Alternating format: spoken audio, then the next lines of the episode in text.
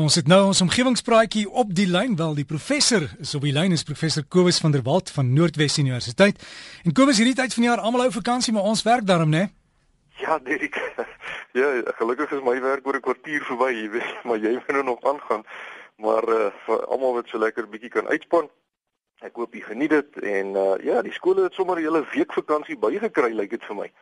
Uh dit is dan lekker hier in die nuwe Suid-Afrika. Ek hoop uh dit nie dit dit berou die mense later as dit by die eksamentyd kom nie. Maar goed, kom ons kom by die omgewing. Ek wil graag vir oggend 'n vraag ont uh, behandel wat ek ontvang het van meneer Gerrit van den Doel. Uh en dit is 'n opvolg van my praatjie 'n paar weke gelede toe ek gesels het oor thorium as moontlike kernbrandstof. En hy sê dat as mense klein kernreaktors in duikbote kan inbou en in vliegdekskepe en so aan Waarom is dit dan nou nie moontlik om sulke klein kernreaktors by fabrieke of stede te plaas om krag op te wek nie? Hy sê hy dink nie meer groot sentrale soos Kuiberg is die antwoord nie, maar kleiner gedesentraliseerde kernkragstasies om dan nou vir ons elektrisiteit op te wek. Hy sê hy weet dat hierdie beginsel die doel van die korrelbed kernreaktor was en hy vra of die ontwikkeling van die korrelbed reaktor heeltemal doodgeloop het en of daar dalk nog iewers 'n uh, ontwikkeling van hierdie reaktor aan die gang is. Nou baie dankie meneer van den Doel vir daardie interessante vraag en ek het maar weer eens gaan kers opsteek by dokter David Serfontein van kerningenieurswese hier op die Pik.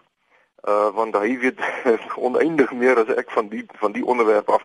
Nou dokter Serfontein sê die eerste kommersiële kernkragreaktore was juis die klein en goedkoop waterverkoelde duikboot reaktore waarvan uh, meneer van den Doel dan nou praat.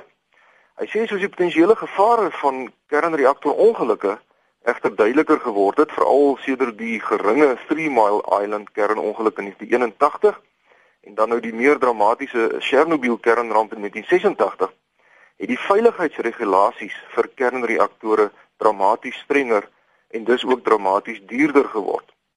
Nou die veiligheidsvereistes bly dieselfde, ongeag daarvan of mens met 'n klein of 'n groot kernreaktor te maak het. Nou een implikasie van hierdie veiligheidsvereistes is dat in Suid-Afrika ons kernreguleerder eh, ehm um, bepaal dat daar 'n 'n deskundige op bystand moet wees wat permanent op die perseel van die kernreaktor woon. Hy moet dus uh, 24 ure dag beskikbaar wees om te kan ingryp as daar 'n krisis sou dreig. So as mens nou een groot 1000 megawatt kernreaktor sou vervang met 10 klein 100 megawatt reaktortjies, dan vereis die wet dat die kernreguleerder uh 10 deskundiges in diens moet neem om by die 10 klein reaktortjies te gaan woon, selfs al sit jy daai 10 klein reaktortjies op dieselfde perseel. So daar sal in die wet uh, verander moet word as mens nou oorgaan na die kleiner reaktore toe want die wetgewing is duidelik ontwerp met die oog op groot reaktore. Ehm um, die die probleem is dat uh tans die kostes dis 'n uh, 'n faktor is. So ekonomie van skaal is die grootste rede waarom die ontwikkelde lande uh besluit het om te gaan vir uh groot kernreaktore wat tipies 1000 tot 1600 megawatt elektriese drywing elk kan lewer. Nou dis egter nie alles maanskyn en rose vir die groot kernreaktore nie. En daar is wel potensiële voordele verbonde aan die klein modulêre tipe reaktortjies En ek noem graag 'n paar sulke voorbeelde. Baie ontwikkelende lande, byvoorbeeld die meeste klein ekonomieë in Afrika, gebruik tans so min elektrisiteit dat een groot nuwe kernreaktor van 1000 megawatt hulle mark totaal sal oorvoorsien. En dis sal hierdie lande net so 'n kernreaktor kan bekostig as 'n paar van hulle sou saamspan om nou een groot reaktor te kan deel.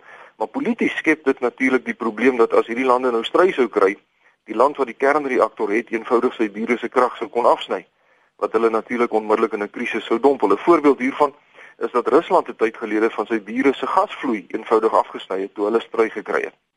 Vir sulke kleiner ekonomieë sou die kleiner kernreaktortjies dus baie beter werk, want elke land sal sy eie klein reaktortjie kan koop en kan bedryf. En verder het die klein ontwikkelende ekonomieë dikwels nog nie 'n goed ontwikkelde kragnetwerk wat die hele land se sentra met mekaar verbind nie.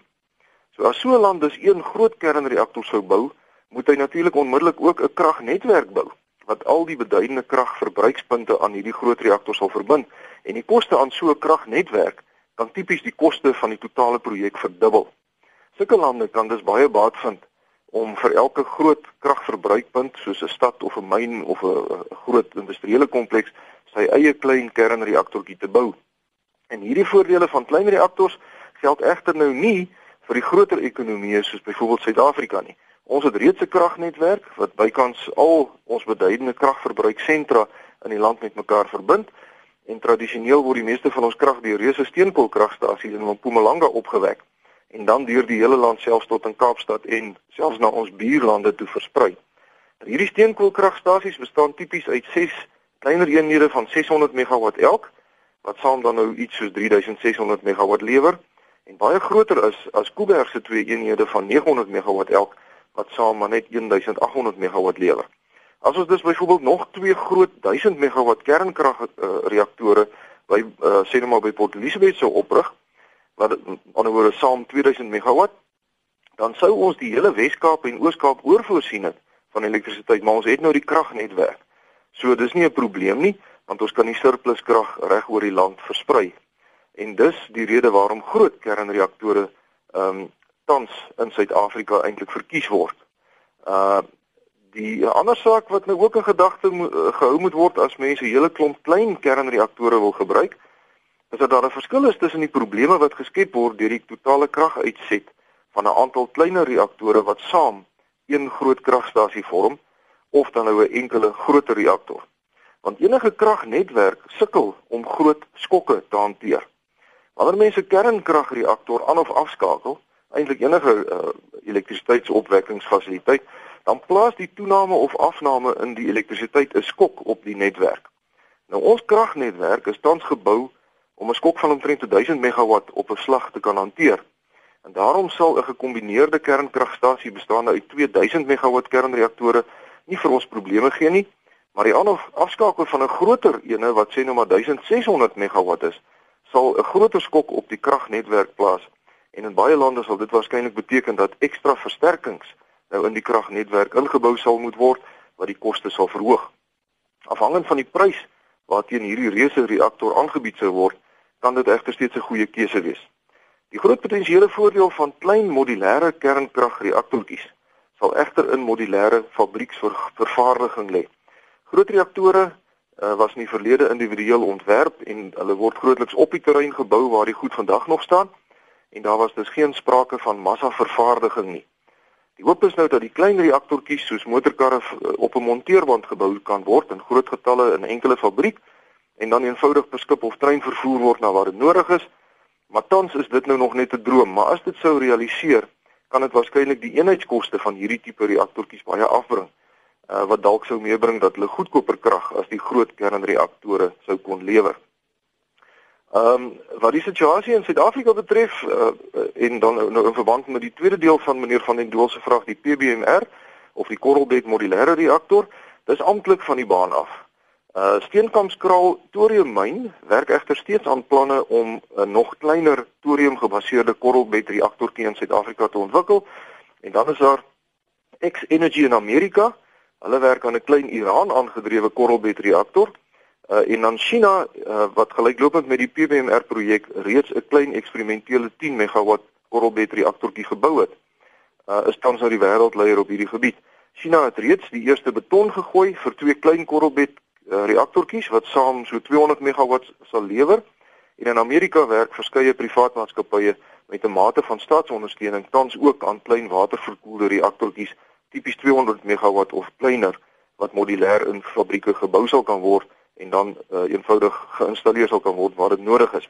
Maar die marktoestande is tans swakker as wat hulle gehoop het en meeste van hierdie projekte kry tans finansiëel swaar en sommige van hulle sal moontlik moet sluit. So om op te som, in groot ontwikkelde lande uh is die installering van groot kernkragreaktore eintlik uh, nie problematies nie.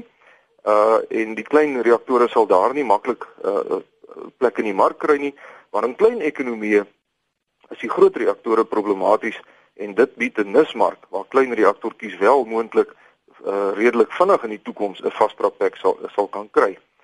Uh meneer uh, David Serfontein, ekskuus tog dokter David Serfontein van Kerningenieurswese, my hartlike dank weer eens vir u spesialistkennis oor hierdie onderwerp en baie dankie meneer Gerrit van den Doel vir u interessante vraag. Ons omgewingsvriende kan gerus vir my skryf. My rekenaaradres is kobus.vanderwalt@nwu.ac.za of u kan my kry by die fakulteit in Natuurwetenskappe, Noordwes Universiteit, Potchefstroom 2520. Vriendelike groete tot 'n volgende keer. Vir jou ek dankie Kobus Kobus van der Walt en daai e-posadres is kobus.vanderwalt wat jy mekaar skryf kobus.vanderwalt by nwu.ac.za